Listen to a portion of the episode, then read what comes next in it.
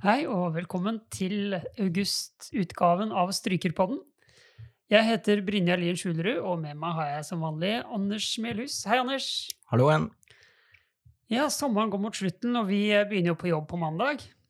Og eh, litt av en start på sesongen. Vi skal spille Beethoven 9 på Nordland musikkfestuke. Åssen er det med deg, Anders? Har du øvd i sommer?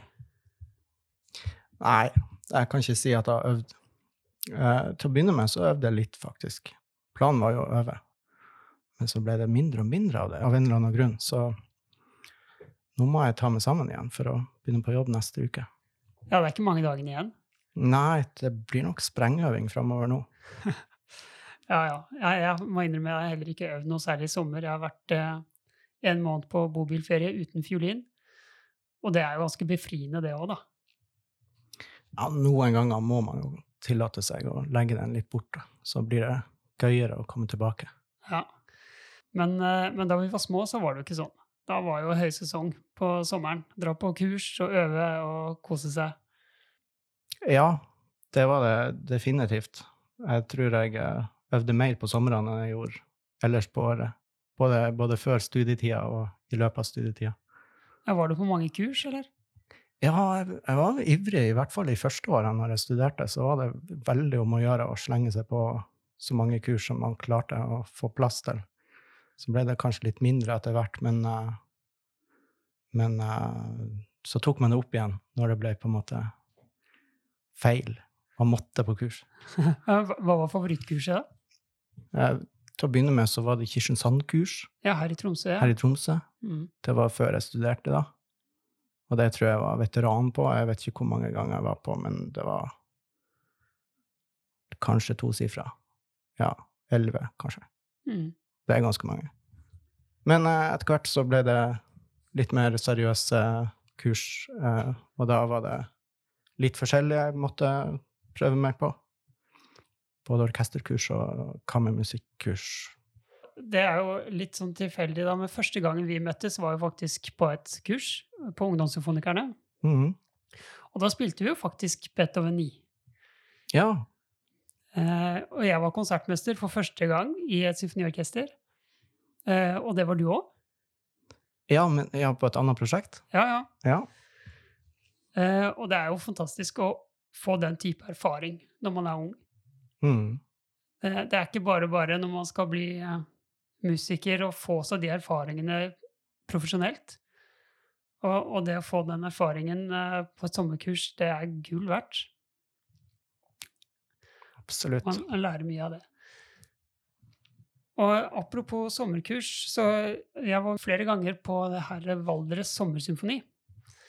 Og tilfeldigvis var jeg innom der med bobilen i sommer, og der møtte jeg en av eh, mine gamle lærere, nemlig Stefan Baratue. Og vi hadde mye å prate om, og noe av det kan du få høre i dette intervjuet. Ja, velkommen til Strykerpodden, Stefan Baratue. Takk for det. Det er jo en ære å få ha deg med i, i podkasten vår. Og vi befinner oss jo nå i Valdres, på Fagernes, hvor det for tiden foregår eh, Valdres sommersymfoni, hvor du er lærer. eh, Og har vært det siden starten, tror jeg. I hvert fall så lenge jeg kan huske.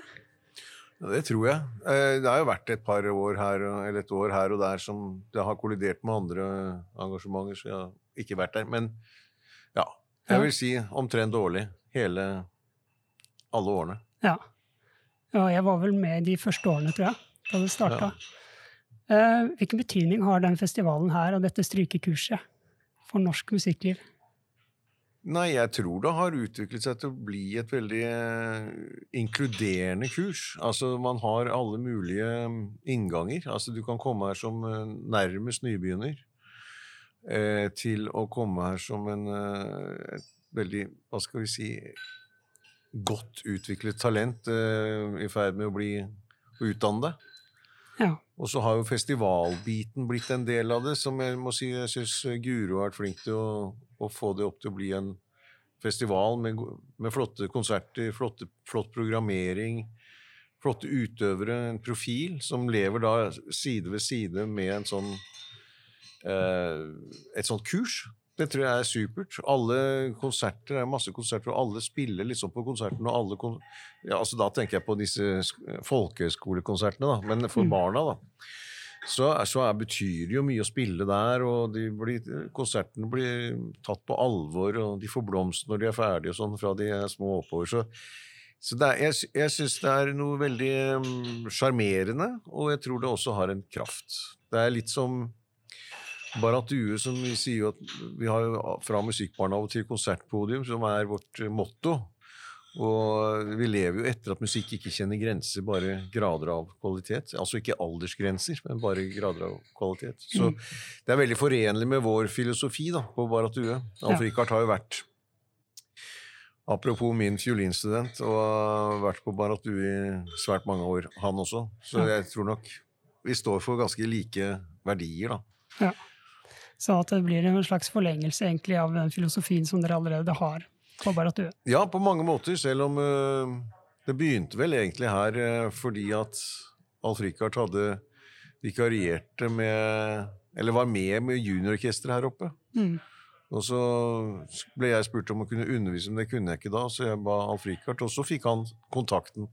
Og så holdt han den kontakten, og så ble det Så det var begynnelsen. Så, men vi har ikke, jeg skal ikke påta meg eller tappe meg noe av æren for at dette er blitt et flott sted. Men det har vært morsomt å se. Jeg bare sier at når du spør meg om hvilken verdi det er, så deler vi mye av de verdisynene. Og jeg tror at det er fint å ha en sånn type fest, eh, kurs også. Som blander altså alle det, det fremste profesjonelle til, det, til de første nybegynnerne, nærmest. Det tror jeg òg. Og jeg husker jo det fra min barndom eh, at jeg hadde veldig mange fine stunder her eh, på Valdres. Eh, vi skal gå litt tilbake i tid, for apropos Barat Due musikkinstitutt, så starta jo det før din tid. Kan du fortelle litt om dine besteforeldre, og hvordan det starta med Musikkinstituttet? Ja, det gjør jeg gjerne. Det kan jo bli en lang pod, dette her. Eh, Men, Det har vi tid til. Vi får, vi får klippe i etterkant hvis det blir for langt. Eh, min farmor var, eh, ble sendt til Ja, hun, hun var altså barn av Pasto Barrat, som var innført til pinsebevegelsen i Norge. Han var en sånn skikkelig høvding innen dette. Han var også veldig musikalsk, kunstnerisk begavet, malte fint og studerte opprinnelig fra England, men hans, hans foreldre da flyttet til Vestlandet og var gruvedirektør, han pappaen der igjen. Men han, han øh, studerte komposisjon med Edvard Grieg, blant annet. Det er et brev fra Edvard Grieg. Når han sluttet og fant på en måte sitt kall, så aksepterte Grieg det. Han syntes det var synd, men han aksepterte det. Selvfølgelig. men iallfall det er bakgrunnen. Og hun, eh, hun viste veldig eh, talent, og han sørget for at hun kom til Sankta Cecilia i Roma. Det var en av de store konservatoriene på den tiden. Det er fremdeles et sentralt konservatorium i Italia, men det hadde en veldig sentral plass. Så hun kom dit allerede når hun var 14 år, og bodde der til hun var eh, 18. Ble hun ferdig, så var hun hjemme. Debuterte, tror jeg, noe sånt og så ned igjen i et par-tre år til. Hun var jo veldig internasjonalt eh, eh, altså orientert menneske. Hun snakket fem språk flytende, hadde stort nettverk, var en glimrende pianist. Hun var, jeg tror hun var første som spilte Debussys pianomusikk i Norge. Så hun, hun var en god En, en eh, aktiv uh, utøver, og giftet seg da med Henrik, som var da min farfar, som var fiolinist og satt i Filharmonien. Og på den tiden, hvis du hadde liksom et samfunnsengasjement, og du ville noe, så, så kunne man også starte et, et musikkinstitutt. Som mange av konservatoriene ble jo startet av personer, altså enkeltpersoner. Så de hadde, Og min farfar, da, Henrik, han hadde studert i, i, med Marzik i eh, Paris. Så de hadde begge liksom dette internasjonale kunnskapen og levde i det og ville, ville skape sitt eget egen institusjon. Og det gjorde de. Barat Mm. Musikkinstitutt ble da opprettet i 27 i en eh, leilighet og en melkeforretning, tror jeg, som var i underetasjen. Der de begynte. Men bare etter noen få år så kjøpte de denne røde sveitservillaen i Lydersagens gate. Og bodde der. Men eh, dette, eh, dette, denne melkebutikken, var det i nærheten, eller? Ja, Vallegaten er like ved, oppe ved Veterinærhøgskolen, oppe ved Adamstuen, Ja. borti der. Mm. Ehm, men de eh, Så dette var absolutt en gründertilværelse. De, hadde, de fikk jo to barn, min far da, og min tante Ester. Og bodde og leiet noe ut, og så var det flere og flere som ble ansatt der. De kjøpte jo alle instrumentene selv. Min farmor hadde egne sånne bøsser. Men var, det noe, var det noen sånn eh, spesiell grunn til at de ønska å starte, starte et musikkinstitutt i Oslo? Altså akkurat hvorfor de ville starte det, De ville starte med sin egen profil, tror jeg. Ja. De var de som fikk musikkbarnehage inn, eksempel. De eh, var opptatt av uh, musikers uh, rolle i samfunnet. De jobbet veldig sterkt for å få samfunnet til å akseptere musikeren som et, som et far, altså som et yrke. Ja, fantes Det det noen utrolig. andre utdanningsinstitusjoner Ja, for du hadde musikk? konservatoriet. De hadde starta. De hadde startet, de hadde startet før Mm. Lindemann-brødrene. Så de, de startet dette og flyttet der, og så var det et hus som ble De fikk jo barn, og man, altså, man bodde der. Min farfar malte jo huset egenhendig tre, tre ganger, tror jeg. Ja. Gikk rundt i um, alle rom og fyrte opp med koks og Og det er jo litt å male der. Mye Absolutt. Så, da, det var, eh, ja, så det var liksom begynnelsen. Under krigen så var det veldig um, mye illegale konserter. De hadde serier som gikk da. Plutselig var Mendelssohn forbudt, og da var det med en gang Mendelssohn-konsert. og eh, jeg tror de har tre konserter i uka, og det var topp folk som spilte. Uh, det ble også en, noe av illegal type aviser og sånn som ble distribuert inni i der. Var det da i stuen? Da, Det var i stuen. Mhm. Så, så det, et krigen var, var på en måte Da var det et ganske viktig sted for mange av musikerne. Og så har det utviklet seg, og fikk man eh, eh, eh, Altså kom privatskoleloven i 69. Min farmor døde i 69, men hun fikk vite om at den kom. Så det var hun veldig glad for. Da fikk de endelig noe offentlig støtte til virksomheten. Ja. Så overtok min far i 69 og han gjelder 70-årene, men så ble han veldig Han fikk dette ALS-sykdommen når han var 64, tenker jeg. Og det er en grusom eh, ja, forløp. Da var jeg veldig i gang. Da, altså, jeg spilte mye, jeg reiste mye, så hadde mye konserter selv. Jeg hadde akkurat fått uh, konsertmesterjobben i KORK, som jeg satt i et par år, på en fantastisk deal, hvor min daværende kone, Sunmi, eh, hadde den andre. Så vi, vi hadde en veldig flott eh, ordning. Men når han ble såpass dårlig, så måtte man tenke hva skjer nå med instituttet? Og jeg hadde nok hatt ganske store konflikter med han, altså i måten han drev det på. Jeg syns det var eh, ja, Tiden var gått forbi, liksom. Så jeg hadde jo mine tanker om, om det, så jeg var jo interessert. Men jeg ville hatt, hadde jo fått mine ting fra et ganske sånn internasjonalt studieliv og møtt mye som jeg syns manglet i Norge. Og jeg så at bare at du, hvis ikke det gjøres noe drastisk her, så, så går den institusjonen ned. Så, så jeg besluttet å gå, droppe det og fortsette. Jeg har jo fortsatt min utøverkarriere til dels parallelt med å drive Baratue. Men da tok vi et grep. eh, Dette var da i 85. Men hvordan, hvordan var det for deg å måtte på en måte velge mellom egen karriere og fortsette din fars og, og farfars eh, livsverk? Ja, nei, jeg ville jo fortsette min egen karriere. Ja, Så du gjorde begge så deler? Jeg gjorde begge, så jeg sa at jeg vil ikke være rektor. Mm. Jeg kan tenke meg å være en kunstnerisk leder, og så fikk vi en administrativ leder. og sånn vi delte opp sist, den gangen. Mm. Men da var det jo lave retninger på det, men det, det sugde jo mer og mer av min tid. Men jeg sluttet i KORK, altså i NRK, den sa jeg opp den, den eh, jobben. Og så, vi, så ble det min hoved hva skal vi si, arbeidsplass ble jo instituttet, på en måte. Men så fortsatte jeg å konsertere. Jeg gjorde masse konserter på den tiden.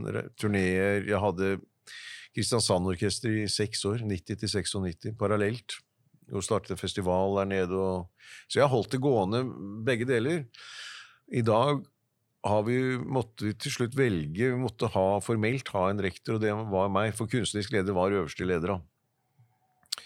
Så da, ble jeg, da sa jeg ok, da får jeg hete rektor og kunstnerisk leder. For jeg, jeg hadde lyst til at institu- instituttet ikke skulle være en skole. Jeg var veldig opptatt av det. Det er ikke bare en skole, det skal være en kulturinstitusjon hvor det skal være levende musikk, og hvor utøveren skal stå i sentrum. og? Musikken skal leve. Jeg forbandt det en skole, derfor jeg ikke ville være rektor heller. Jeg, jeg, jeg ville at det skulle være noe annet enn det. da. Ja.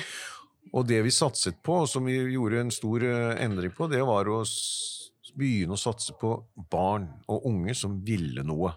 Du er jo ganske tidlig inne, men de som ville det, de forventet vi en del av. Altså, Du kunne ikke begynne på Barrat Due da og liksom slenge innom på en prøve hvis du gadd. Da måtte man stille lørdagen, først og fremst. til Det var helt uhørt på den tiden. Lørdag det var helg i Norge, og da skulle folk på hytta. Så vi hadde ganske mange uh, lite fornøyde foreldre som klaget på akkurat det, men barna ville. Ja. Så derfor så ble det begynnelsen på å gi Men da ga vi også gjerne Altså vi ga veldig mye til dem, og det ble ganske fort øh, resultater ut av det. Og så ryddet vi en del i porteføljen. Vi hadde en høyskoleavdeling med alle mulige slags instrumenter, og det så jeg at det var ikke hensiktsmessig.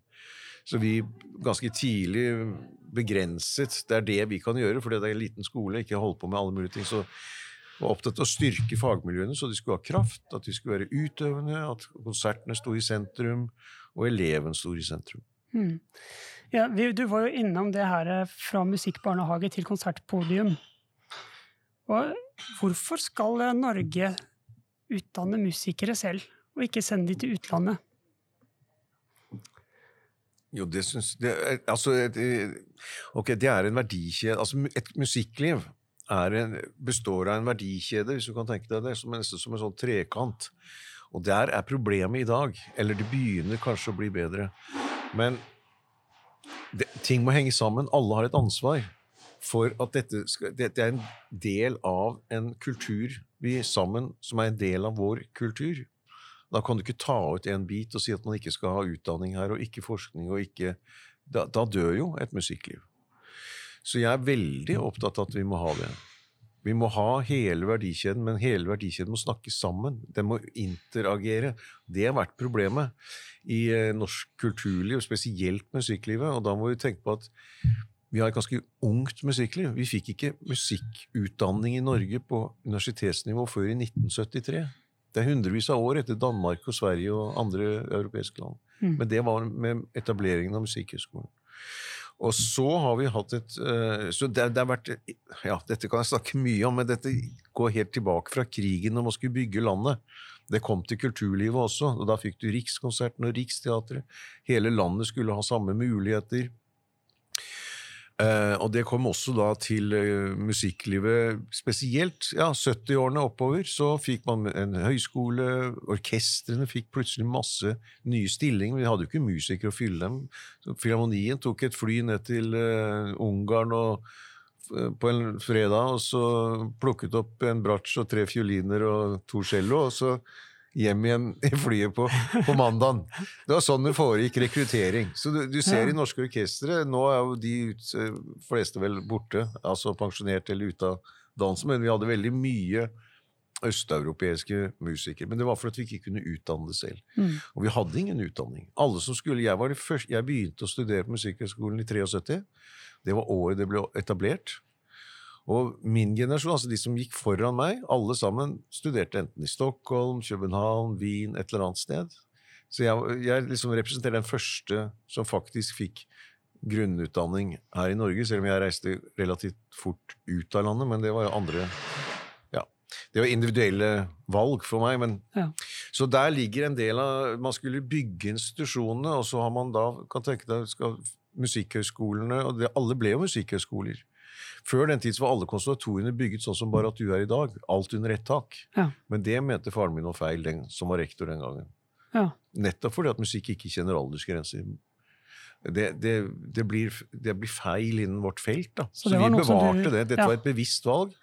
Men alle de andre konservatoriene kuttet ut alt som var under, og det tok jo vekk alt som var mulig å bygge opp. Og så skulle det være egne skoler med musikkskoler, og så skulle konservatoriet bare holdt på med høyskolebit, og de skulle, det var en lang periode hvor, hvor man skulle etablere en musikerutdanning av, som var tilpasset det akademiske universitetssystemet. Så det preget veldig mye, at alle holdt på sine bokser, og dermed så ble det ganske eh, dårlig med, med, rekrutteringen. Så man har fremdeles problemer med det vil jeg si, i norske utdanningsinstitusjoner, at nivået, startkompetansen, er utfordret. Derfor inntaksnivået er for dårlig i forhold til hva de skal ut i den andre enden. For at musikklivet er i dag et eh, ekstremt internasjonalt Eh, konkurranseutsatt eh, yrke. Så du, hvis man skal lykkes som musiker i dag, så må du være på et internasjonalt toppnivå for å få en jobb i Norge. Det stemmer. Ja. Så der ligger på en måte den problematikken. Og hvis man da tok ut så For å jeg svarer skjønner jeg veldig omfattende her, men det er jo store, store spørsmål du stiller. Men når du stilte meg spørsmål om hvorfor vi skal utdanne musikere i Norge, så, så er dette det er svart nå. Grunnen Hvis du tar det ut, så tar du ut en veldig vesentlig byggestein i et musikkliv. Så, og jeg tror at selvfølgelig eh, Man kunne godt drive Tromsø, absolutt, og Bergen eller Oslo, orkestrene, med kun eh, internasjonale utøvere, og det kunne bli like bra, det. Det er ikke det. Men man kunne også spørre hva er samfunnsoppgaven? Hva er, hva er et orkesters, Hvilken samfunnsoppgave har, har orkesteret? Det er noe som absolutt er viktig å, å, å, ha veldig høyt oppe for alle orkestrene, selvfølgelig. Men uh, for å si det sånn, i Bergen så er det vel tippet eh, over 50 uh, utenlandske musikere i orkesteret. La oss si det ble 90% da så er det jo ikke så rart om en, eh, en politikerstemme vil si hvor, hvorfor skal vi betale av fellesgodet 150 millioner, eller hva de har i budsjett, noe rundt der, til et orkester hvor det er som ikke inn, eh, norske arbeidsplasser, hvilken Why? Da kan en, en entreprenør av en eh, konsertarrangør si at nei, gi meg 70 millioner, så skal jeg skape verdens beste konsertserie i Bergen. Mm. Det vil de kunne gjøre. Vi kommer til å doble publikumsinteressen. Uh, og det er klart. Du kan få gjort veldig mye morsomt for 70 millioner. Så, så orkestrene er dyre. Det, dette er store spørsmål for hele musikklivet og legitimiteten. Og der står vi sammen. Og da mener jeg igjen at hvis ikke et kulturliv og et musikkliv har en base, har en robusthet, har alle eh, byggesteinene og ta vare på alle de byggesteinene for å kunne ha det, ja, da har vi et problem. Du har et problem på toppen, og du har et problem på bånn, og, og, ikke minst eh, befolkningen. Så ja, ja, vi kan ikke ta bort utdanningen, men utdanningene kan bli bedre. De kan bli bedre tilpasset, de kan bli mer spesialiserte. Det er et tankekors at alle utdanningsstedene skal drive med akkurat den samme porteføljen. Hvorfor skal de det, hvis ikke det er grunnlag for det? Spesialiser utdanningsinstitusjonene. Så hvis du vil utdanne deg i det feltet på musikk, ja, da drar du til Bergen, eller så drar du til Tromsø for det, eller Ikke sant? Men det har vært veldig altfor mye at alle skal gjøre akkurat det samme. Ja. Og så, da har det blitt mindre og er mindre samarbeid i, et litt mer hva skal vi si, visjonært og politisk måte for utviklingen videre. For man, man blir jo da kniver om de samme studentene med nærmest den samme studieporteføljen og et ganske skrint underlag av rekruttering. Og mm. det er jo et faktum i dag at endelig, vil jeg nesten si, så sier FUM, så en rapport som kom altså Fagrådet for utøvende musikkutdanning i 2018, hvor de ser på kvalitet i musikkutdanningen og, og sier at det er startkompetansen som er utfordret. At man ikke har en rekruttering bra nok, og har ikke systemet bra nok til at man får øh, søkere til høyere utdanning på høyt nok nivå. Ja.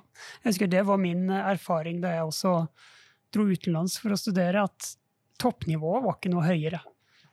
Men bunnivået var mye høyere. Ja. Så jeg hadde et jevnere, en jevnere studentmasse, da. Mm. Eh, hva er det som eh, skiller Barrat Due fra de andre utdanningsinstitusjonene, når du sier at du syns man bør spesialisere seg mer? Hva er det som er spesielt med Barrat Due? Ja, nei, det vi er, jeg vil på ingen måte snakke ned de andre altså, Ikke misforstå det, de andre, for det gjøres fantastisk og glimrende arbeid i alle utdanningsinstitusjonene. Så det er ikke det, men jeg snakker om den helheten. Så er det klart at man kan stille noen kritiske spørsmål som man absolutt uh, diskuterer, men, uh, men det, er en, det er en litt sånn et sårt emne. Men det er, er ikke meningen min med å si det at, jeg, liksom, at vi gjør så mye bedre. Men for å svare på spørsmålet ditt for hva vi faktisk gjør, som jeg syns er viktig, eller som gjør oss litt annerledes, så tror jeg det er fordi at vi er en veldig nær og liten institusjon. Jeg tror at den fagmiljøet vårt, som nettopp har samlet alt under ett tak, ser at musikken har en, mer, en annen dynamikk. Det er fordi at man man har prosjekter som går på tvers. Man tilhører en helhet, da. Og ser helheten av en, en, et musikkliv på en kanskje nærere og tettere måte hos oss enn andre utdanningsinstitusjoner hvor det begynner med bachelor. Det er én bit av det. Og så er vi en uh, liten institusjon, også som apropos tett og nær, fordi at eh, fagmiljøene er selvfølgelig da også sårbare, men det er ganske tett. Men ved at vi har te, altså tette relasjoner, Mm. um, så har vi, som jeg innledningsvis vel sa, eller i begynnelsen her, at jeg er valgt å være kunstnerisk leder til å begynne med. Rektor og kunstnerisk leder. Det tror jeg preger huset. At vi er veldig utøverrettet. Eh, de fleste høyskolene har jo ønske om å bli vitenskapelige høyskoler, som og det blir jo mye av det. Eh, og da er jo fokuset spørsmål. ikke sant? Du, hvis du er en vitenskapelig høyskole, så er fokus veldig knyttet mot forskning og akademia på et vis. Vi er ikke det. Vi er en utøverrettet høyskole, hvor vårt fokus egentlig ligger på, det, på markedet, da, på det utøvende musikermarkedet. Vi ønsker å ha en nær kontakt til det profesjonelle musikkliv. Vi ønsker at Det, det, det, er, liksom, det er vårt fokus, så det skiller seg nok noe.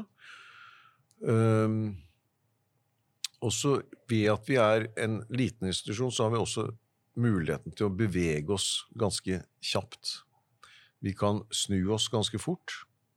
Jeg begynte å bli såpass stor på bare at jeg merker selv at det blir vanskeligere og vanskeligere.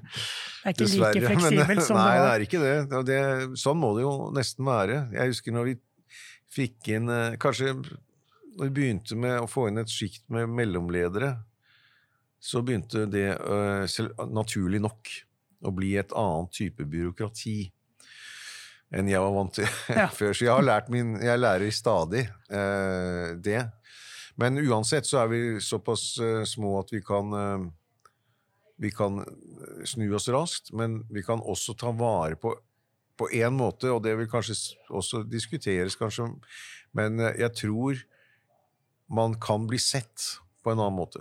Og jeg tror at eh, gjennom disse Hvis jeg ser rundt meg i dag og ser på hvor mange av de sentrale musikere i, ja, i det hele tatt i vårt felt i Norge, som er deg selv inkludert, eh, har hatt en bakgrunn i vårt miljø i, i lengre eller kortere tid, men enten som unge talenter eller på utdanningssiden eller sånt, så er, så er det en ganske betydelig prosent, rett og slett. Ja. Så det har jo gitt Barrat Due en, eh, et omdømme på en måte som, som er positivt for akkurat det utøvende. Selv har jeg jo sagt at jeg eh, har hatt utrolig mange uh, nær døden-opplevelser med Barrat siden jeg overtok. Det har alltid vært uh, utfordrende. Det snudde nok, vil jeg si, først i 2000 og oppover. Og, der, og, og derfor ligger det kanskje i mitt gen og institusjonsgen at uh, eneste kapitalen vår ligger i faglige resultater. Mm. Det, er, det er vår kapital. Det eneste måten at vi kunne overleve, er at faktisk det vi driver med, gir synlige resultater. Uh, og, og vi er den eneste musikkutdanningsinstitusjon som er en privat stiftelse. Ja, det var mitt neste spørsmål. Hvilke fordeler og ulemper gir det i et felt som i, i stor grad styres av det offentlige? Ja, altså Det er klart at uh, det er litt mindre er, Vi er ikke så godt finansiert som de offentlige statlige.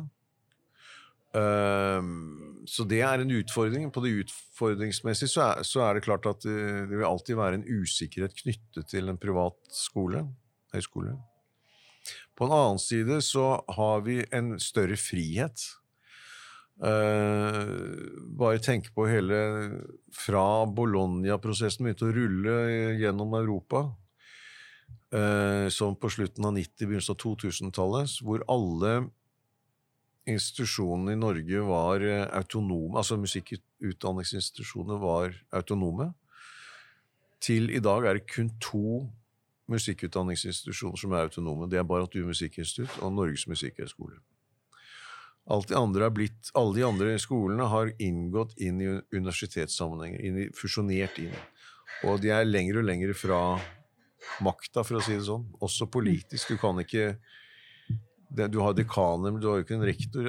Du må, du må både innen ditt eget system, universitetssystem, men ikke minst i forhold til, til uh, sentrale myndigheter. Så det er jo, er jo på mange måter en en fordel ved å være en privat, vil jeg si. Mm. Egen styring. Egen styring og større styringsmulighet. Ja. Eh, vi skal litt over på, på, din egen karriere og hvordan du kom i gang med å spille selv. Eh, jeg har lest litt på Wikipedia i dag at du begynte som femåring med din far som lærer. Det stemmer. stemmer. Ja, ja, det stemmer. Hvordan var det? Det var sikkert greit. Uh, jeg anbefaler ikke det, Nei. tror jeg. Jeg syns det var eh, ikke sant, En far er et forbilde, ikke sant, og du jeg har, undervist, jeg har ikke undervist mine egne barn sånn sett, men jeg har øvd med dem. Det tror de jeg syns har vært ille nok. Samme her. ja. Men eh, men jeg eh, Han eh, fikk meg til å bli veldig glad i musikk. Så jeg ville jo slutte mange ganger, men han fikk meg til å Kanskje mest fordi jeg syntes synd på han, tror jeg. men Var det liksom allment men, akseptert på skolen? nei, du vet, jeg er oppvokst eh, vi, Jeg var oppvokst på Baratu til jeg var fem år, men så flyttet vi til min mors barndomshjem, som hun overtok opp i, på, på Ris, der oppe i Holmenkollåsen. Mm. Og da er jeg oppvokst i et helt sånn uh, finans, holdt jeg på å si, miljø av barn, og mye penger og, og, og, sånn, og det var veldig konservativt, og ingen forståelse for hva jeg holdt på med. Men jeg var ganske god, tror jeg, på den tiden, så de, jeg spilte jo på spillselvuker og sånt, og det det var liksom stas hvis Stefan skulle spille for skolen, men altså for gutta de skjønte jo ingenting. Så jeg, jeg levde ganske utsvevende liv i ungdomstiden, husker jeg. Um, men jeg fant liksom ut av det, og så, og så hadde jeg en kjæreste som het Kjersti Holmen i flere år i den der perioden der, og hun hun var annerledes, hun var også derfra, men vi fant hverandre veldig, for vi hadde noen sånne andre verdier. da. Så det var veldig fint. Så begynte jeg på Nissen skole. Og der møtte jeg Christian Eggen i samme klasse. Vi ble veldig close. Ja, dirigenten og pianisten. Ja. ja. Og samtidig hadde jeg begynt i juniororkester i NRK, så jeg hadde liksom begynt å få litt Jeg hadde jo ingen venner. Altså ingen som holdt på med dette her. Um, så jeg hadde jo ikke noe å med meg, jeg hadde ikke noen, liksom, noen følelse av det. Um, men da skjønte jeg at Christian hadde jo kommet veldig langt eh, allerede da. Han var jo en ganske uspiselig gutt, egentlig. Veldig selvopptatt. Og Fortell mer om det. Nei, det, det, får bli en annen podkast. Nei da, vi ble gode når han, er veldig, så dette er litt uh, flåsete sagt. Men han, han, var liksom en sånn Mozart, han. Ja. Så det var jo liksom litt uspiselig. Han hadde gutterom med hvitt vegg-til-vegg-teppe og bilder av Mozart og piano på ro. Liksom. Det var ikke veldig langt fra det jeg hadde, for å si det sånn. Ja. Men ja, det, det, var veldig hyggelig, men, og da plutselig så begynte jeg å møte mange andre som Og da skjønte jeg at dette går ikke. Jeg er nødt til å bare begynne å øve. Da kom jeg hjem etter å ha gått på første gym i tre måneder eller sånn, og sa nå er det nok, nå må jeg begynne å øve. Og så sluttet jeg på skolen, og jeg brøt med, jeg hadde en sånn kjempevennegjeng, ganske sterk vennegjeng, og brøt med absolutt alt, bortsett fra Hans Petter Moland, han, filmregissøren, han var også i samme gjeng. Vi holdt kontakt med en del, og han var blitt sånn god venn av familien og sånne ting, men jeg brøt med alt. Jeg hadde seilbåt med disse gutta, gikk ut alt på 14 dager. Det er veldig merkelig, egentlig. Men det var et vendepunkt. Ja, det var sånn helt tydelig. Og jeg begynte da på Barrat Due bare sånn for å ta noen timer med hørelære og, og satslære og, og sånt noe. Og da var jo ikke jeg Jeg var 16. Og så kom Musikkhøgskolen, og da søkte jeg dit. Da var jeg altfor ung, ikke sant. Ehm, men de, eh, det gikk bra, så de ville ha meg inn der. Det var første året det var, og da var Arve Tellefsen som var første professor. Og han skulle bare ha fire studenter, og han, så han Jeg fikk han det første året. Akkurat fylt 17 da jeg begynte hos han. Hvor gammel det- var han da? Da var vel han Kan du bli- 37. Han var også en ung professor, da. Ja da, og han ble jo bare et år. Ja. Men han var eh, da veldig midt i sin hva skal vi si, Han var kjempepopulær. ikke sant? Selvfølgelig var han utrolig seriøs på alt han gjorde.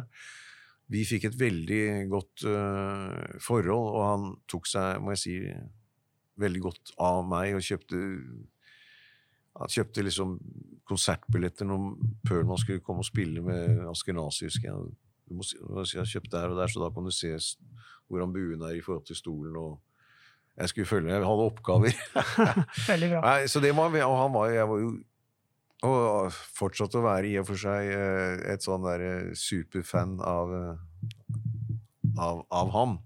Så det var veldig viktig år for meg. Altså jeg tror at Av alt så tror jeg kanskje det var det virkelig vendepunktet for meg. For da plutselig så Og faren min da var ikke metodisk, og det var eh, Ja, i det hele tatt. Han, Arve, var så utrolig nøye, og så metodisk bra. På absolutt, så- det var helt ny verden, ikke sant? Mm. Så jeg øvde jo som gal. Virkelig. Men det, man øvde jo utrolig mye tjukk i huet-øving. Og det er sikkert vi kanskje også komme inn på. Det er, det er vel de fleste av oss som opplever at vi har gjort. Mhm. Og det er jo noe med å undervise nå at jeg ser at det, det prøver jeg å gjøre noe med. Min undervisning er Ja, det kan vi komme tilbake til, men det, det, det, det er litt som du sier, at man eh, lærer um, I ettertid så ser man jo hvorfor fikk jeg ikke dette og den ene tingen, og og så videre sånn. Der um, Nei, nå hopper jeg, skal jeg ikke gå inn i det nå. Jeg skal avslutte det. Jeg begynte iallfall å spille. Jeg begynte Musikkhøgskolen. Og, og så fortsatte jeg der. Eh, Arve Reise Camilla Wix kom. Så Mm. var hun i, i to år, og så var jeg tilbudt en plass i noe som, het, eh, som var et akademi i Holland, som Jehudi Menuhin egentlig holdt sine vinger over, med en fiolinist som het Alberto Lisi. Der var jeg et år. Da hadde jeg et år igjen på Musikkhøgskolen. Så, jeg, så ble det akademiet flyttet til Gstad i Sveits og ble Menuhin Music Academy. Så dit flytta jeg med, men jeg hadde et sånt halv, et, et år mellomår hvor jeg pendlet og tok meg ferdig på Musikkhøgskolen. Og så dro vi over til, til eh, San Francisco, og jeg tok en master med Camilla Wix. Ja. Camilla Wix må du fortelle litt mer om. Ja. Hun var jo så heldig å få møte et par ganger på Du, du hadde, og her på Valdres, faktisk. ja, det stemmer det. Eh, og slår meg jo som en fantastisk ressurs. Og en dame med vanvittig integritet. Hvordan var det å studere med henne? Det tror jeg var Jeg må si at det var fantastisk og utrolig frustrerende. Tror jeg for de aller fleste. For hun var, ut, hun var på et så sofistikert nivå, på en måte. Samtidig så var hun opptatt av hver enkelt, men hun var liksom lysår foran oss alle. Så man kunne gå fra timene der og være helt i villrede på seg selv. Det tror jeg veldig mange som På den ene siden. På den andre siden så ga hun så mye av seg selv, både, og, uh, både når det gjelder fiolinteknikk og musikk også. at jeg må si at jeg, i dag så er, er det veldig mye av det jeg underviser, kommer fra henne. Hun hadde utrolig klare tanker og ideer. Men hun var liksom metodisk forvirrende, kan du si, for mange. Men det store bildet var fantastisk. ikke sant? Så hun, hun var jo en magnet. Hun laget et miljø som var bare helt utrolig, altså. Og det gjorde hun både i Norge Vi hadde jo Hver uke var det klasser hjemme i hennes stue. Samme gjorde hun i San Francisco. Hun bygget jo et hus oppe i Washington da hun flyttet fra San Francisco. Hvor hun hadde elleve rom, så alle skulle flytte der. Altså, hun, hun, Hun var jo en fantastisk utøver. Altså hun, hun, dessverre, hun døde her i, for ikke så lenge siden. Men en, en, litt sånn amerikansk typisk sjel som de driver og flytter hele tiden i Amerika. Mm. Det er ikke sånn som her i Norge, hvor du, hvor du bor i samme grenda i fire generasjoner. Nei, der er det vanlig å flytte annethvert år, for det, jobbene har vært sånn. Landet er, er, konstruert på en måte sånn. Så hun har flyttet på seg veldig mye. Uh, hun fikk jo fem barn og et vanskelig uh, ekteskap. Og hun ble alene med alle disse barna og en sønn som var, hadde en veldig uh, Ja, jeg vet ikke helt hva det var, men han vokste og vokste og vokste. Han var enormt abnorm høy. Med, jeg hadde gjort noe feil med han i en operasjon, ganske ung. I, um, så det, hun, måtte, hun, levde med han helt til han døde. Altså Han var helt avhengig av, av henne.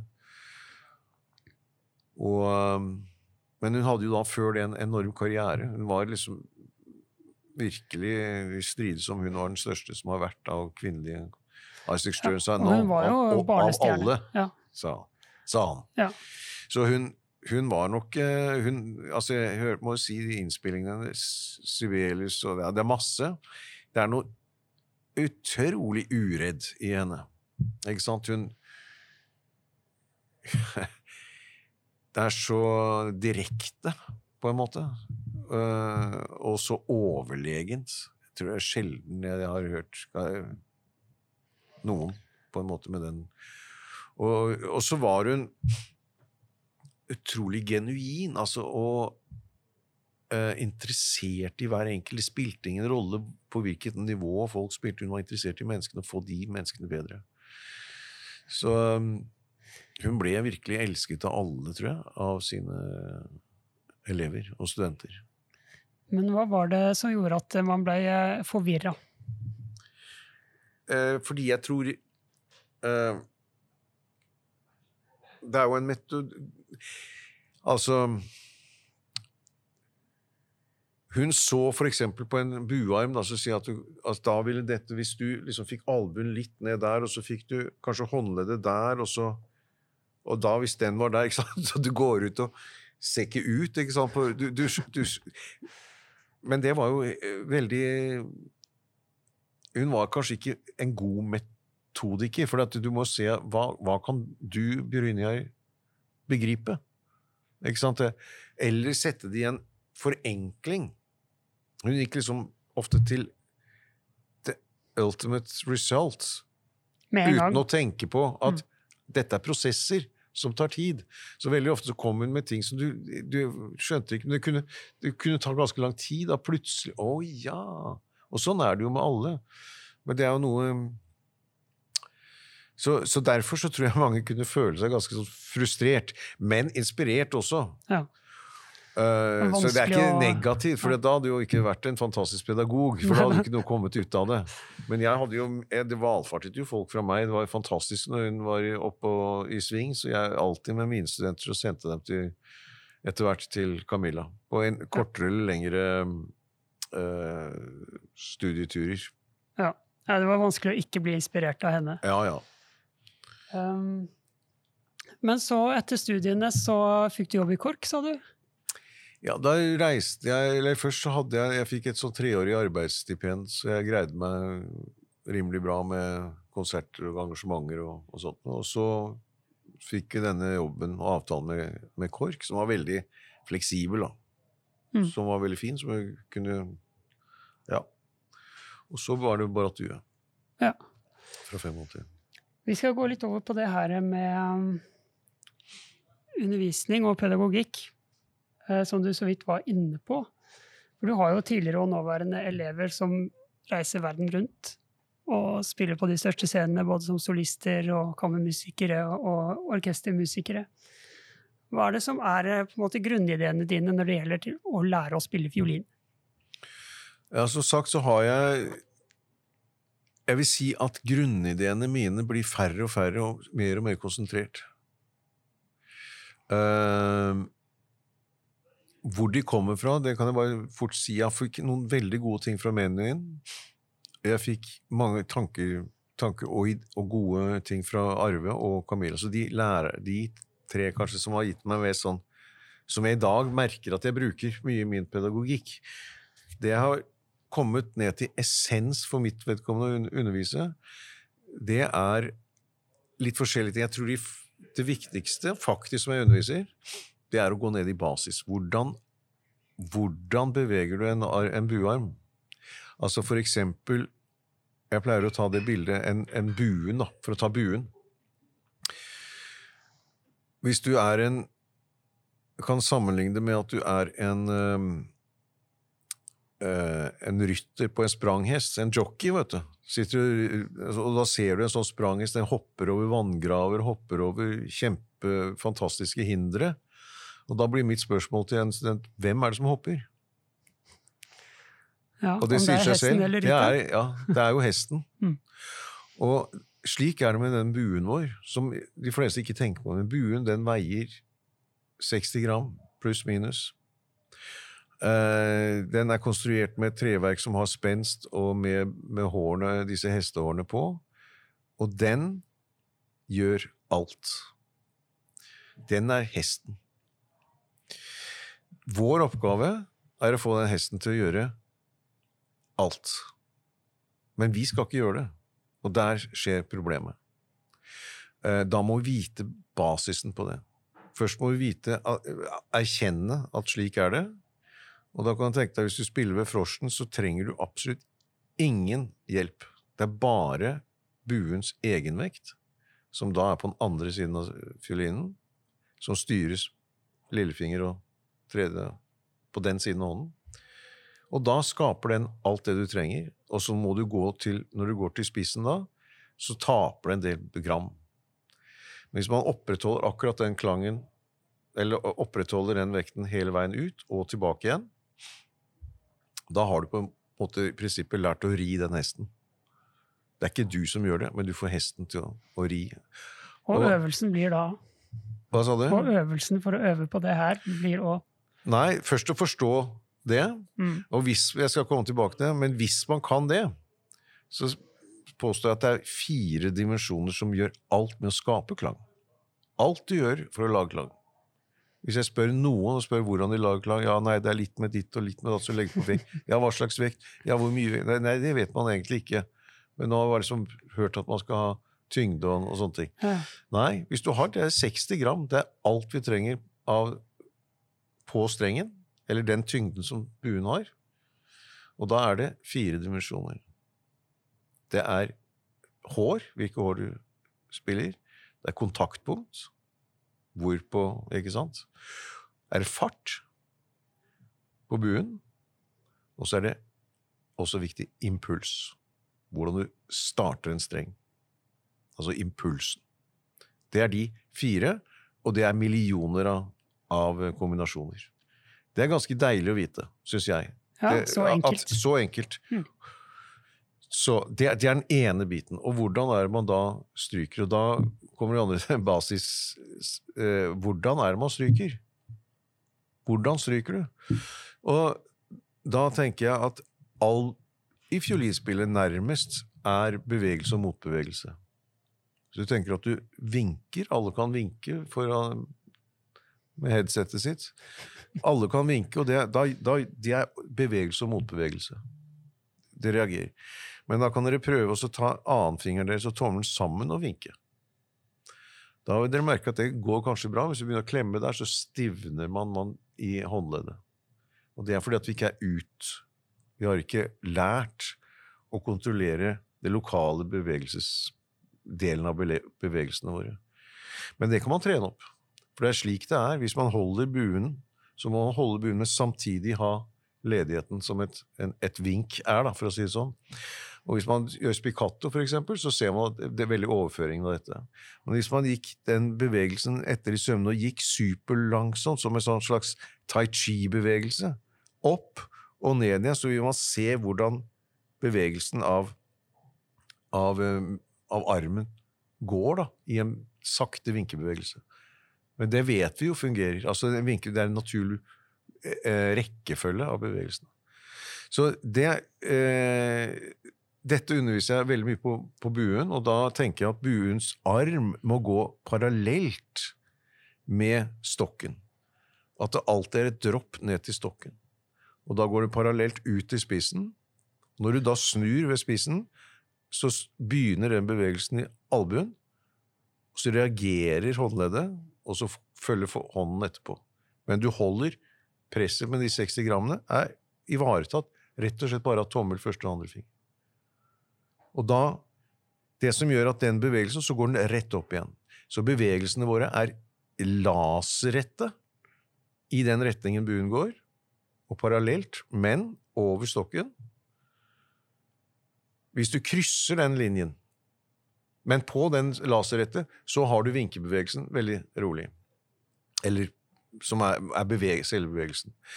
Nå, hvis, du, hvis, armen din mot, mot eh, spissen, som de aller fleste gjør, faller ned, så armen er under stokken, og du, du lukker over uh, albuen din, så vil håndleddet følge opp, men da følger du ikke i retning av stokken.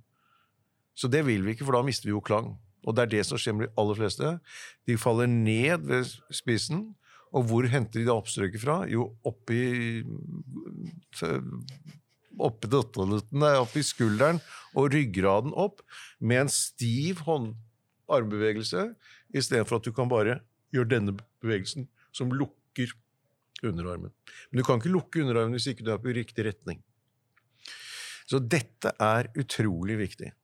Dette tror jeg, Og når du da kommer til, til frosjen, så, det, så, må du ha et fall ned slik at buens egenvekt er den som opererer klangen. Og hvis du spiller dette med riktig fart, med flate hår nær stolen, så får du en utrolig klang. Altså stort volum. Mm. Så om du spiller Brahms fiolinkonsert åpning der, eller om du spiller begynnelsen av Sibelius, vekten av buen er den fordømte samme hele tiden. den. Og det er der jeg tror det undervises altfor lite i dette, eller en forståelse av det. Jeg syns den forståelsen er Altså, den er ikke til stede i stort sett. Jeg, jeg har gitt ja, Det er én ting, det er det basis på det. Men videre med, med buen så, så er det type Så det er én ting hvordan fungerer det? Hva gjør stokken, hva gjør du, hvordan skal du bevege deg? Hva slags prinsipper har du når du har øh, strengeoverganger? Hva, hva, hva, har du noe Jeg har vært gitt masterclass til ganske avanserte folk rundt omkring i verden og stilt et sånt spørsmål. Eller hvordan skifter du? Eller bare ta for eksempel strengovergang. Ja, det er noe sånn så er Ingen som har et klart bilde av det. Og da sier jeg at ok um, Hvis du øver uh, fire-fem timer, da, som mange av disse gjør, hvor mange skift gjør du i, eller mange strengeoverganger har du i timen? Altså Vi snakker om mangfoldig tusen om dagen av strengeoverganger, og de fleste tenker jo ikke på. Men de fleste, når du har et problem med strengeovergangene dine, så, så, så, tenker du ja, jeg, får, jeg er litt tjukkere i huet enn de andre, så jeg må øve ti timer mer, så får jeg det til. Og det gjør man på tross av. Og så gjør man strengeovergang og gjør sine tekniske ting eh, utrolig vanskelig, og med stor eh, hjelp fra rytteren. Ikke sant? Og ikke mm. fra, fra hesten som skal jeg gjøre det. Overstyrer. Så bevegelsene Du overstyrer. Mm. Og dette gjelder emosjonelt øh, og musikalsk øh, uttrykk. Alt blir blandet sammen. Og det er der jeg tror at øh, vi ikke skjønner Eller ikke, ikke, skjønner, men man intuitivt kanskje ikke gjør, da, men Eller tenker på at ethvert musikalsk uttrykk må finne sin tekniske oversettelse på en fiolin. For en fiolin går ikke direkte. Så den må oversettes, en finne sin tekniske løsning. Så hvis ikke man kan basisen av sin teknikk Dette gjelder også venstrehånd, det gjelder vibrato. Så man kan faktisk putte inn de riktige uh, retningene når du finner, møter et problem. Ikke gå og holde på holde på holde på og tro at det kommer til slutt. Av og til gjør det, men veldig ofte så kommer det ikke til slutt. Til slutt så blir man døv i forhold til det. Mm. Ikke sant? Fordi at det er jo ikke min skyld at jeg må bruke fjerde finger der. ikke sant? Så man aksepterer. Så her, er, så jeg, mine prinsipper da, med, er enkle. Jeg tror de fleste jeg underviser, kan skjønne det ganske fort. Det som er interessant, uh, Brynjar, er at det tar lang tid. Kanskje hvis de er heldige to år, tre år, fire år, noen ikke. Uh, men det tar tid. Og jeg diskuterer hver gang plutselig det skjer, så begynner jeg å bruke det, og, det er, og, og så sier jeg hvorfor pokker, Dette har jeg jo sagt helt Ja, jeg vet det, men hvorfor kunne du ikke gjøre det før? Hva gjør jeg feil? Hvorfor greier Nei, det var en uh, Johannes Schantz som er, gikk ut nå for master. Så sa nei, så jeg har fått se på alle de studenter som har gått der. Alle den og den og den og den. Det tok tre år. Av og til fire. Du kan, det, det, det tar tid, for det tar tid å integrere. Ikke? Du må automatisere disse tingene. Det er kroppen som skal lære det.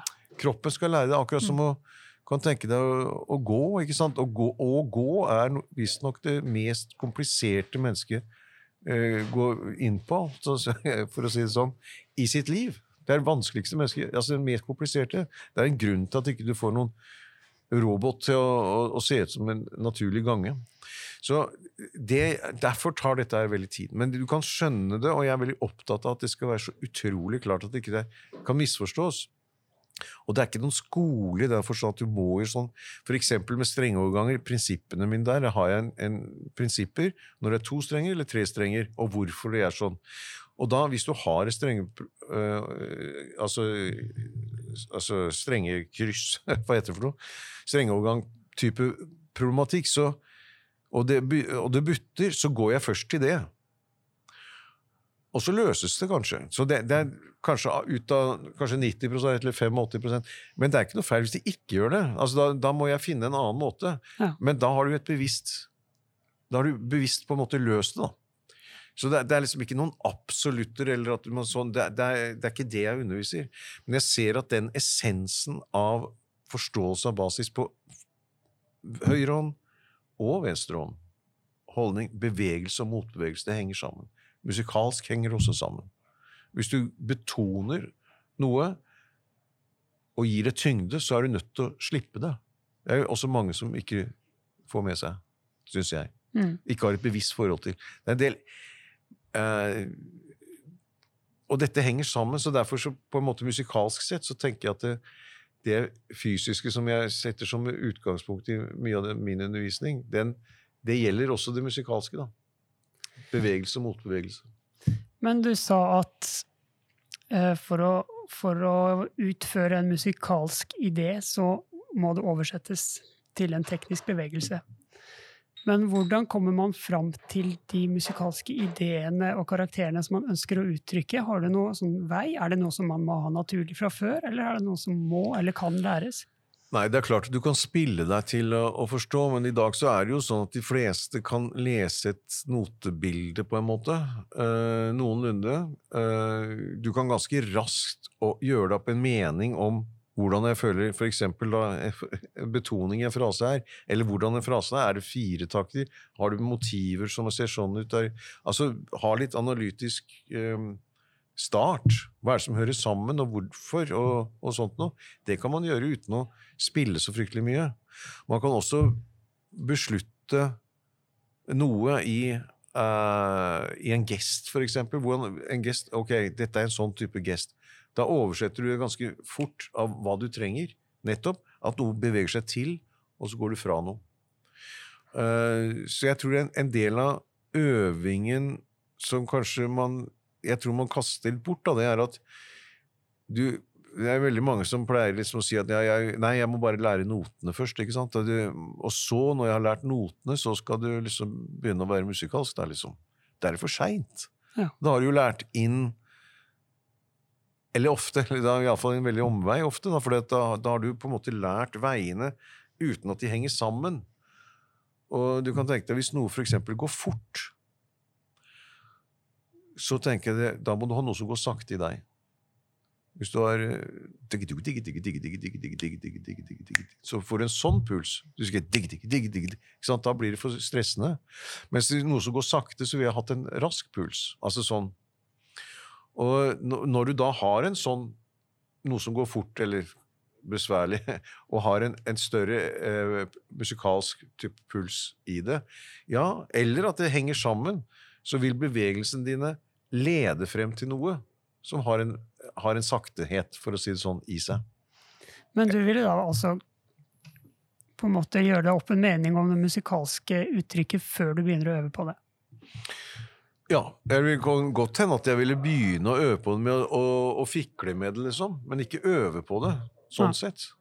Jeg ville sett, eh, og det er det, og så ville jeg studert det litt sånn, og så, så har jeg prøvd litt, men jeg hadde ikke begynt å studere det. Skjønner du? Det er der jeg tror at det er mange som liksom tenker at jeg må bare lære, få det done in.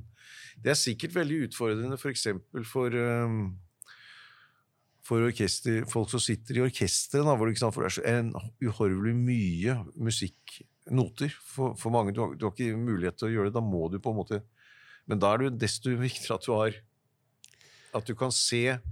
uh, en, en, en, viss logikk da, i din, din teknikk, ikke sant? Ja, Nå er det ikke jeg som skal komme med gullkorn i denne podkasten, men siden du stiller spørsmålet sånn For jeg har jo en del erfaring med å lære mye repertoar i orkestersammenheng, og jeg har gått bort ifra å drive opp, begynne å øve på de vanskelige stedene. Ja. Det går mye fortere hvis man begynner å gjøre seg opp en musikalsk mening, og så se hvor man trenger å øve etterpå. Ja. Uh, for meg. For andre fungerer det annerledes, men eh, det er i hvert fall min måte. Ja da, ja, ja, og det er det jeg mener. Det er vel egentlig det jeg sier, men jeg sier ikke at det er, liksom, det er ikke noen fasit på disse tingene. Nei. Hvis du føler at du, ja, jeg får ikke noe følelse av den musikken hvis ikke jeg får kjent fiolinen og, og klangen, og, ja, så gjør det. Men, men vit at dette går ikke hvis Det er det du må søke, da. Det er mm. det du må søke når du begynner. Du må make sense.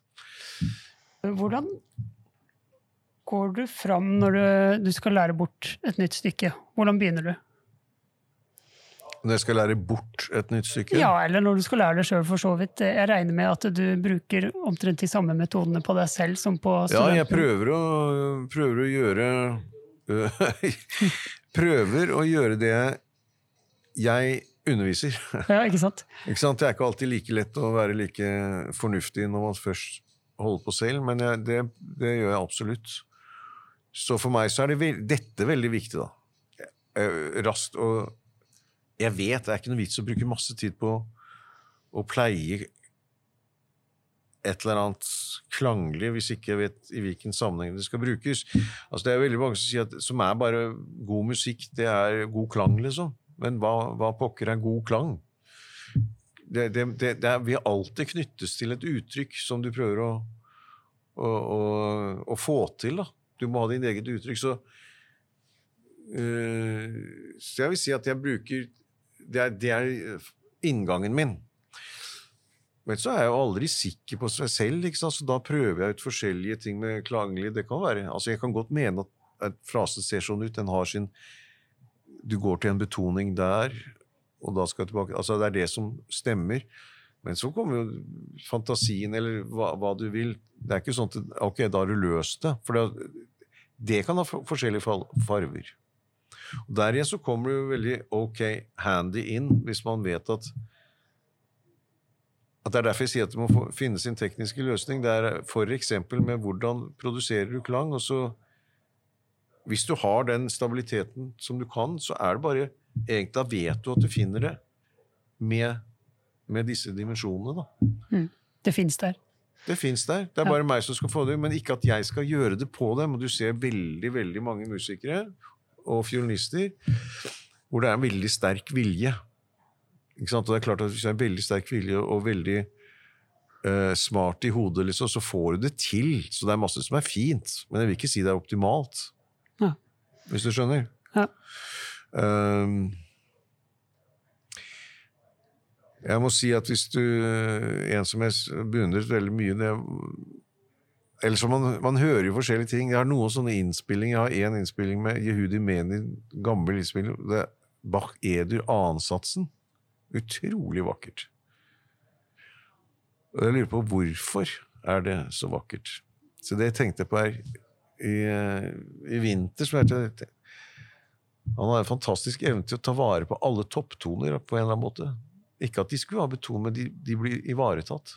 De får som, Jeg prøvde ut det med både meg selv og studenter på ting. da, Hvor, hvor utrolig forskjeller kan utgjøre.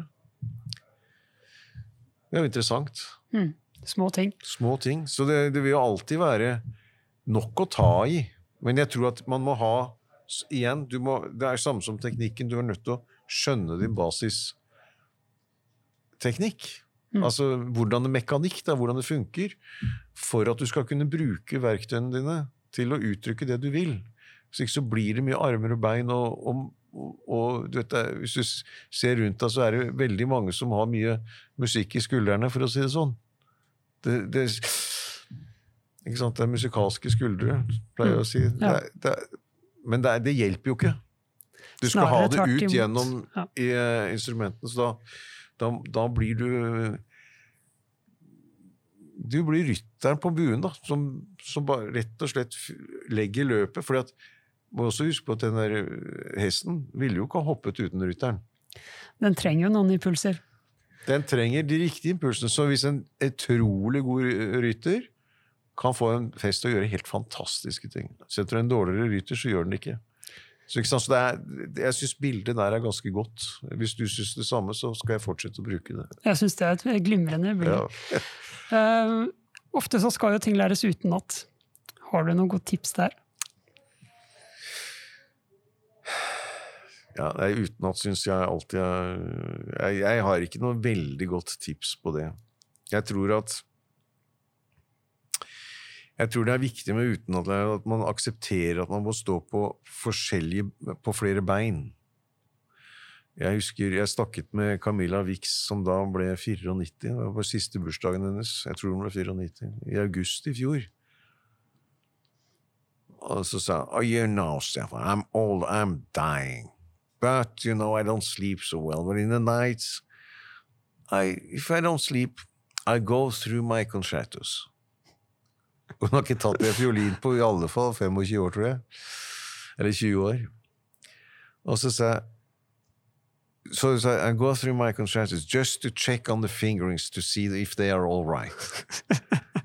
det syns jeg var veldig morsomt. For hun så jeg sa, altså Husker du hele ditt repertoar? Hun hadde et stort repertoar. Altså virkelig. Oh yes, it's all in my fingers. Så hun har hele repertoaret in her fingers. Jeg husker veldig godt at hun snakker at you have memories, memory in your fingers. Det var eh, som, et sånt uttrykk som hun introduserte, og det er helt riktig. Du kan mm. tenke deg at du kan mentalt gå gjennom Jeg kan våkne om natten, jeg. Fremdeles av uh, Heldigvis ikke så ofte, da, men sånne nightmares. Jeg, jeg, driver og spiller Mendelssohn eller et eller annet sånt nå. På en, altså, er, uh, og så plutselig er jeg usikker. Ikke sant? Hvor, på fingersetning. Altså på, så det er jo i oss. Mm. Så det tror jeg, men det er, det er jo ett bein. Ikke sant? Så har du noen som er veldig kjapp, altså musikalsk Veldig sterk hukommelse som nærmest Men det er veldig intuitivt. Det, det kan, har jeg sett da med kollegaer, at det kan være veldig utfordrende. Fordi du, du kan ikke liksom bare regne med at du synger låta på scenen, for å si det sånn. Og det er det de gjør, da. Uh, du, må ha, du må vite struktur, du må vite konstruksjon, du må, du må, ha flere ting. Hvordan deler du opp stykket ditt? Det har med både harmonisk verdi som Hvordan går det? Hvordan er uh, Hvordan er de seksjonene, liksom? Ja, du, mange, mange, forskjellige innganger, tror Både jeg. Både intuitiv og ja. intellektuell tilnærming ja, til men hvis du er bare intellektuelt Det har jeg slitt med mange år siden. Uh, hvor jeg var veldig opptatt av, av, av, fingers. da. Så jeg hadde alt Da blir det plutselig at du skal huske systemet. Ja. Det er veldig det, det, det er ødeleggende også, vet du. For da har- da det mister naturlige, Du, ja, da mister du det intuitive, du mister mye annet. Det får altfor mye oppmerksomhet. Ja. Så jeg vil si at uh, sånn performance-wise, så er det nesten det, komme et, på sitt beste da, når du spiller noe uten det, er at du på en måte nesten ikke er, er til stede. Altså, du er til stede når du sitter som en sånn mastermind Mm. og har hele overblikket over hvor du skal. Du går ikke rundt og, og, og er sånn kontrollfrik på lillefingeren eller fingersetninger. Altså, du, du er der, men du styrer ikke. Ikke sant? Du lar maskineriet ditt gjøre det det skal, og går du for langt der, så bare trekker du den spaken litt ned, så holder? Denne følelsen der. En, en slags ro, da. Men går det an å lage seg en sånn mental løype for, eh, for det du skal spille? At du liksom Her så bør jeg konsentrere meg om sånn og sånn. Her må jeg gripe litt inn der for å styre, ellers så skjer Ja, sånn og det, sånn. Eller. kan, det kan man sikkert gjøre. Eller det gjør man nok. Det Ja, jeg tror, jeg tror mange har Man en dårlig løype, men eh, hvis man er litt bevisst på det, så kan det kanskje Ja, hjelpe. Og man kan sikkert trene det litt mer. Jeg, det har du helt rett i. Jeg tror man har Altså, jeg ville hatt det. Eller Ja. har det. Styre fokuset sitt. Mm. Eh, konsertforberedelser, nerver, den type ting. Hva, hva gjør du? Ja. Det ble også spurt om her. Men um, Ja. Har du noe problem med nerver i utgangspunktet? Ja da, absolutt. Det tror jeg alle har. Jeg tror ikke det ville vært så veldig morsomt hvis vi ikke hadde det. Men jeg, jeg må jo si at jeg har Jeg vet ikke hvor mange ganger opp gjennom årene at jeg har vært i en by, og så tar jeg den der drosjen ned til konsertsalen, og så Å, jeg skulle gitt hva som helst for å bytte plass. Med du? drosjesjåføren? Ja, ja. Noe så fantastisk å kunne bare I stedet for å ville man seg selv så vondt. Så nerver kan være eh, vanskelig, og det kan gå over jeg, jeg, jeg tror jeg har mine tøffeste nerver sånn cirka Ja. En par måneder før, på en måte i prosessene hvor du på en måte ikke har det inne. Eller, altså Det kommer an på hva du gjør, da, om det er noe du har inne eller ikke. Men særlig hvis det er en ting som du øver mot, og du skal ha det inn. og, og sånn. Akkurat den prosessen der hvor du er midt i det, der kan jeg ha, få sånn nattnerver, liksom. Og at du ikke vet at du kommer Ja. til å få det til ennå. Ja, Så ikke det er der. Det, det syns jeg er vanskelig. Eller kan være vanskelig. Jeg syns det er vanskelig ofte å være egentlig ikke så bekvem med å spille konserter i Oslo, f.eks. For eksempel. Fordi at er- det er for mye annet som foregår. Mm. Eh, men det har jo omstendigheter. Men selve spørsmålet om å forberede seg, så tror jeg jeg, jeg trenger å ha en slags ro i meg. Altså jeg føler at jeg har altså tyngden, at jeg er nede, det er én ting. Men så trenger jeg også være alert. Ikke sant? Du må ikke være slapp når du går på en scene. Finne en balanse der. Finne en balanse så, og ha ganske fokus på hva jeg har lyst til å møte. Man, man tror Man skal huske på at de du spiller for, de, de er vennlig innstilt.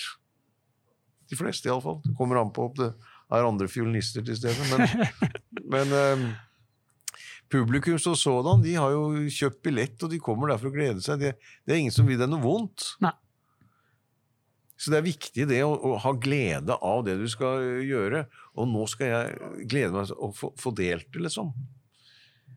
Det har jeg det, Ja. Egentlig å ta fokus er- bort fra prestasjonen og over Ja, på formidlingen. Altså fokus eh, i større grad ut mot de du skal spille for, og mindre i grad innover mot øh, din egne det, blir jo veldig, det er egentlig veldig selvopptatt, vet du. Du sitter og Ja, fordi at du presterer ikke og er redd for at ikke at du Det er vel i bunn og grunn en form for å bli, være engstelig for å bli avslørt. Ikke sant? Ja, Du skal bli tatt med buksen nede, du kan det jo ikke allikevel. Altså, det er veldig basalt, da. Så eh, gode, gode rutiner så det, Jeg stort sett eh, var mye mer opptatt av det gamle da. Da spilte jeg mye mer konserter. Da. Jeg spiller jo ikke så mye konserter lenger. Dessverre. Noen er her og der. Det tar meg tid å skulle gjøre det, for jeg må få meg selv opp på det nivået jeg ønsker å være på. Det er mange sånne ting som gjør at Ja. Men um, før så var jeg nok mer liksom rutiner. Jeg, men jeg har gått litt fra Jeg tror ikke det er noe vits å ha så veldig mye rutiner. Det kan ødelegge livet ditt på en måte. Du, kan du blir litt sånn noia. Du kan ikke Ja, gjøre ditt hva? før du har gjort og Nå, nå, nå fikk ikke jeg gjort akkurat det der, og da kommer? Det blir en sånn kjede av eh, Ja. eh, Så det å kunne bare ha konserten som en del Men, men det er jo noen rammer du kjenner deg selv sånn spillemessig. Jeg må, må være, føle at jeg er i form. Jeg liker å kjenne at liksom, jeg er i gang, da Uh, før jeg går på, på en scene. Så det, det er viktig. Da må jeg sørge for at jeg har det. Så må jeg sørge for å ha litt sånn ro. Hvordan gjør du det hvis du føler at hvis du ikke har ro, hvis du er stressa og er liksom oppskaka? Ja, nei, det er litt sånn mental trening, rett og slett. Hvor jeg kan sitte og, og gå igjennom kroppen litt. Grann. ja, type sånn mindfulness eh, Ja, eller, og autogen trening. Jeg driver også med det, men det har jeg tenkt med buen, eksempel. Ja. Eh, som kan være bra i denne sammenhengen også. Og faktisk Camilla Wick snakket om, om dette. Eh, hvis du kan tenke deg jeg, Hvis jeg holder en bue da, det, altså, er, Jeg gjør det samme, da gjør jeg ikke liksom fysisk nødvendigvis med en bue, men det, i og med at dette er en strykeblogg, så kan jeg jo dele det òg. At man holder rundt buen sin, bare sånn at den står loddrett. Ikke sant? Ikke sant?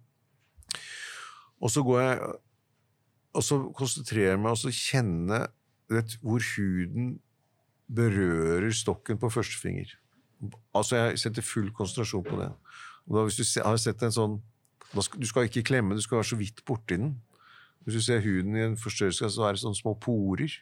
Du kan liksom se det for seg, så sånne sugekopper nærmest. Du skal holde så løst på den første fingeren at du nesten kan kjenne at, det, at luft passerer mellom stokken og huden. Så løst. Og så går jeg til neste finger, annen finger, tredje finger og sier tommel. Og når jeg har gjort det én og én sånn, så prøver jeg også å ha helheten av det. Og når jeg har gjort det, det tar ikke lang tid for meg nå å gjøre, men jeg tror ikke det tar lang tid for noen. Men må ha den konsentrasjonen. Da merker jeg hver gang at fingrene mine utrolig gode og varme. Camilla sa hun brukte også autogen trening til å Ja. få varme fingre. Hvis hun venter på et forspill og er iskald, så kan hun bli varm på fingrene. Men det er for, for det, men det er også en veldig god ø, måte å kanskje gå gjennom altså For meg, da, gå litt sånn gjennom kroppen, gå gjennom og kjenne at skuldrene mine er der, jeg faller ned, jeg har liksom få det ned. Så det, det syns jeg eh, kan være hjelp. Og så tror jeg det der med at man er usikker og redd, sånn, så tror jeg som sagt at det er veldig Man kan styre fokuset sitt utover og ikke innover. Det kan man faktisk. For hvis ikke du da Iallfall når du er relativt rutinert, altså som har spilt en del konserter som man er som proff, så vet man jo følelsen av den gode følelsen når du faktisk formidler ut. Fordi at konserter er jo først og fremst Eller musikk, det er jo kommunikasjon først og fremst. Men i en konsert så er det så er det utøveren som åpner for den kommunikasjonen.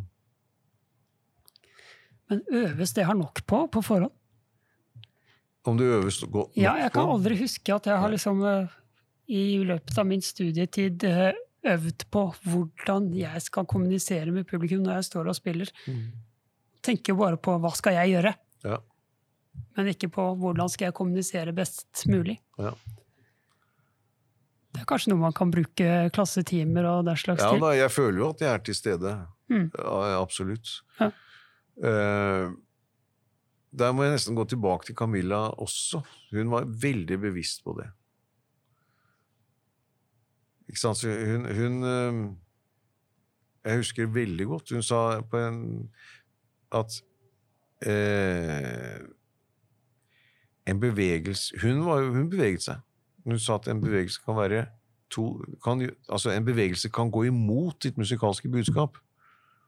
Så det at ditt musikalske budskap har den riktige bevegelsen, det har kommet til gravity og betoning igjen, ikke sant? Um, så vil det hjelpe uttrykket ditt. Men gjør du en en bevegelse som på en måte går imot det, hva du skal fortelle, ja, da, da ødelegger du uttrykket ditt. Så jeg, jeg tror på Jeg tror det er eh, Jeg tror det er mer altså Vi har i alle fall, Eller jeg har fokus på det i min undervisning, og det er, det er jo nok mer mer fokus på dette enn det var før. Ja.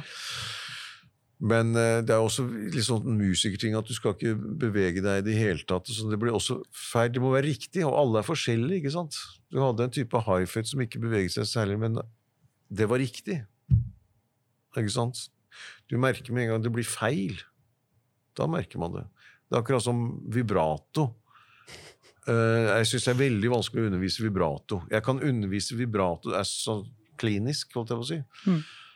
Men jeg syns det er helt håpløst når folk liksom hører på en, en maske Ja, jeg tror du må ha litt mer vibrato der. What, what that, that mean, liksom? Altså, vibrato er så personlig. Veldig.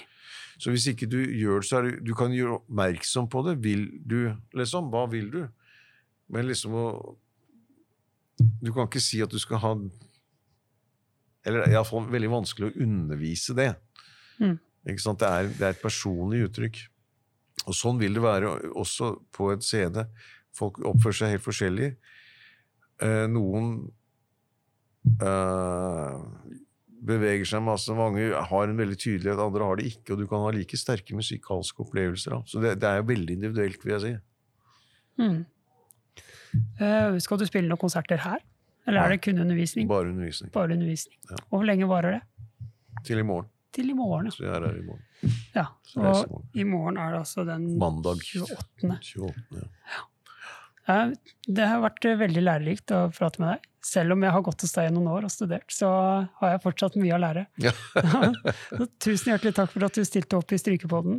Tusen takk skal du ha for at du så sjenerøst uh, spurte din gamle lærer om å være med på det. Det tar jeg som et stort kompliment. Ja, men det er bra. Tusen takk, Takk. og lykke til videre med podkasten. Takk skal du ha.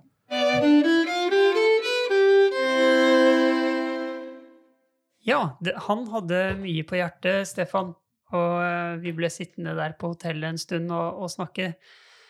Eh, men så var det faktisk sånn at han var ikke helt ferdig likevel, så han ringte meg faktisk en stund etter at vi hadde gjort dette intervjuet, og sa at det er noe jeg må få med. Og, og det handler om Camilla Wix og, og hennes måte å undervise på, som han syntes kom litt uheldig ut. fordi at det som kanskje var så mest fantastisk med henne, var den vanvittige detaljrikdommen som hun ville ha frem, og som hun på en måte underviste. da. Det var et detaljnivå som var helt sånn ned til hver minste tone, og, og liksom alt skulle være liksom Ja, så hun kunne også da ta det videre til de store linjene i verket, og få detaljene til å lage helheten, på en måte. Så da fikk vi med det også. Men eh, her var det jo veldig mye å ta tak i, Anders. Vi skal holde det litt kort, men noen uh, hovedpunkter? Jeg syns det var fint han uh, i, i starten uh, gikk inn på generell utdanning i Norge, hvor viktig det er. At man har med kvalitet i alle ledd også. At det ikke er bare um, studenter som er viktig, det er hele livsløpet, da. Fra, fra man eh, begynner å spille fiolin, til man er ja, pensjonert, kanskje. At Ja. det er et ledd mellom eh, konservatorium og orkestra og musikerlivet og kulturlivet. Ja, og at alle, alle snakker sammen. Mm. Um, de her buøvelsene som han snakka om, det var kanskje litt vanskelig å få med seg eh, når man ikke så han, for han satt jo og, og gestikulerte veldig mens han, eh, mens han snakka om det her. Og jeg har jo gått hos han og gjort de her øvelsene opp, men jeg skal prøve å forklare litt nøyere. Altså, det er snakk om en slags kalibrering, vil jeg si. Det er ikke noe man står og tenker på mens man spiller konsert. Eh, Da tror jeg man er litt ute å kjøre. Men det er på en måte for å kalibrere kroppen til å vite hvordan buen fungerer, og hvordan, hva må man gjøre for at buen skal fungere best mulig.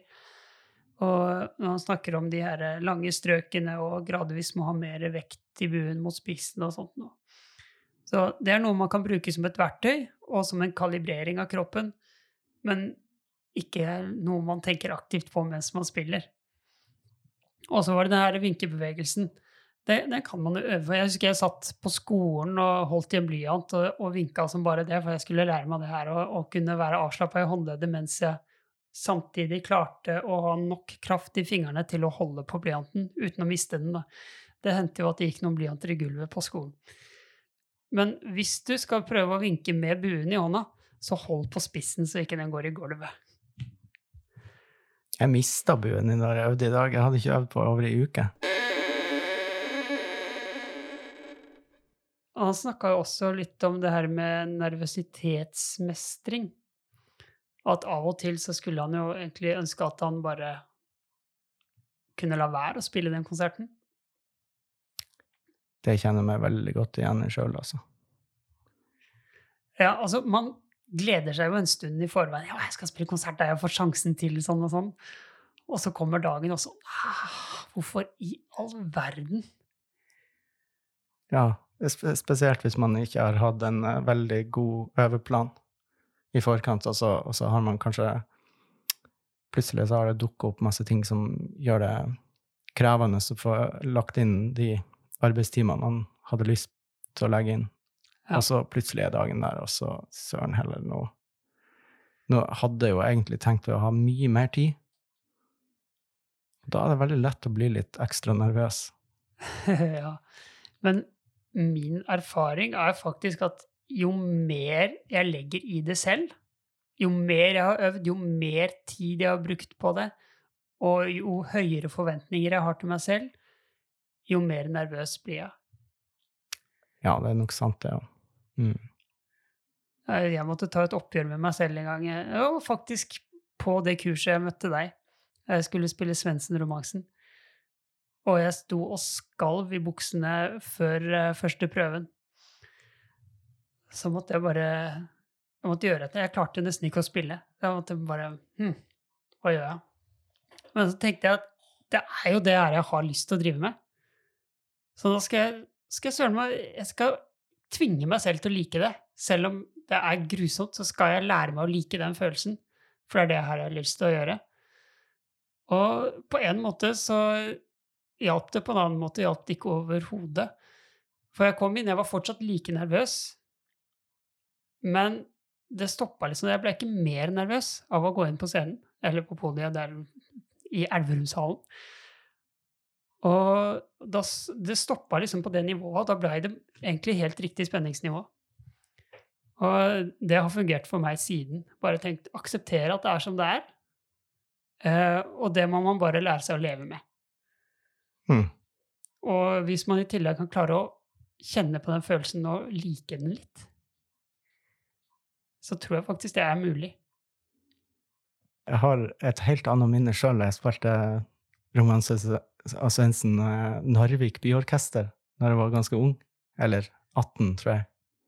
Vi var masse talenter som skulle spille eh, som solist. Og eh, jeg var litt heldig at jeg på en måte fikk et eget område der jeg var alene backstage.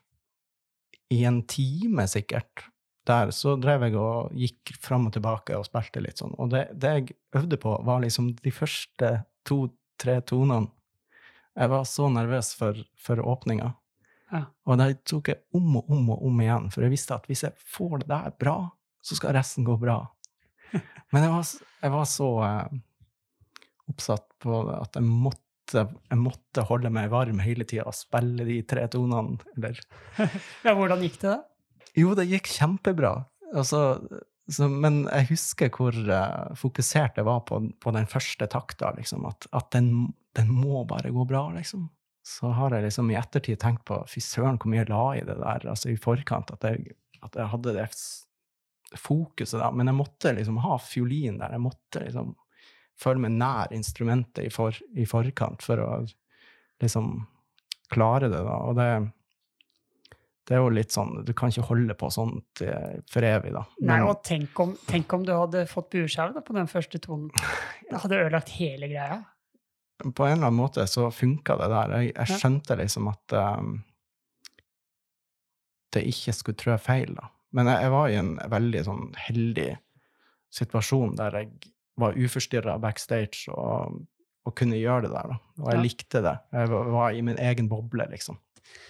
Stefan snakka jo da om, om at han gjorde noen sånne øvelser, eller han, han satt og kjente veldig på fingertuppenes berøringspunkt på buen, Mm. og konsentrerte veldig om det. Noe som egentlig minner meg litt om sånn type mindfulness-trening. Ja. At du fokuserer veldig på én kroppsdel, og da, samtidig som du fokuserer på noen ting, så tar du jo da fokuset vekk fra noe annet. For vi er ikke så flinke til å ha fokus på flere steder på en gang, Mm. har jeg lært. Eh, og sånn sett så tror jeg det absolutt kan ha mye for seg. Ja, det, jeg tror det var en sånn greie jeg gjorde, da, bare det var med musikalsk på stykket, da. At den første takta skal ha fokus på. Ja, ikke sant? Nei, vi skal avslutte denne episoden. Vi håper at uh, du er med oss også neste måned. Inntil da får du ha en fortsatt god sommer.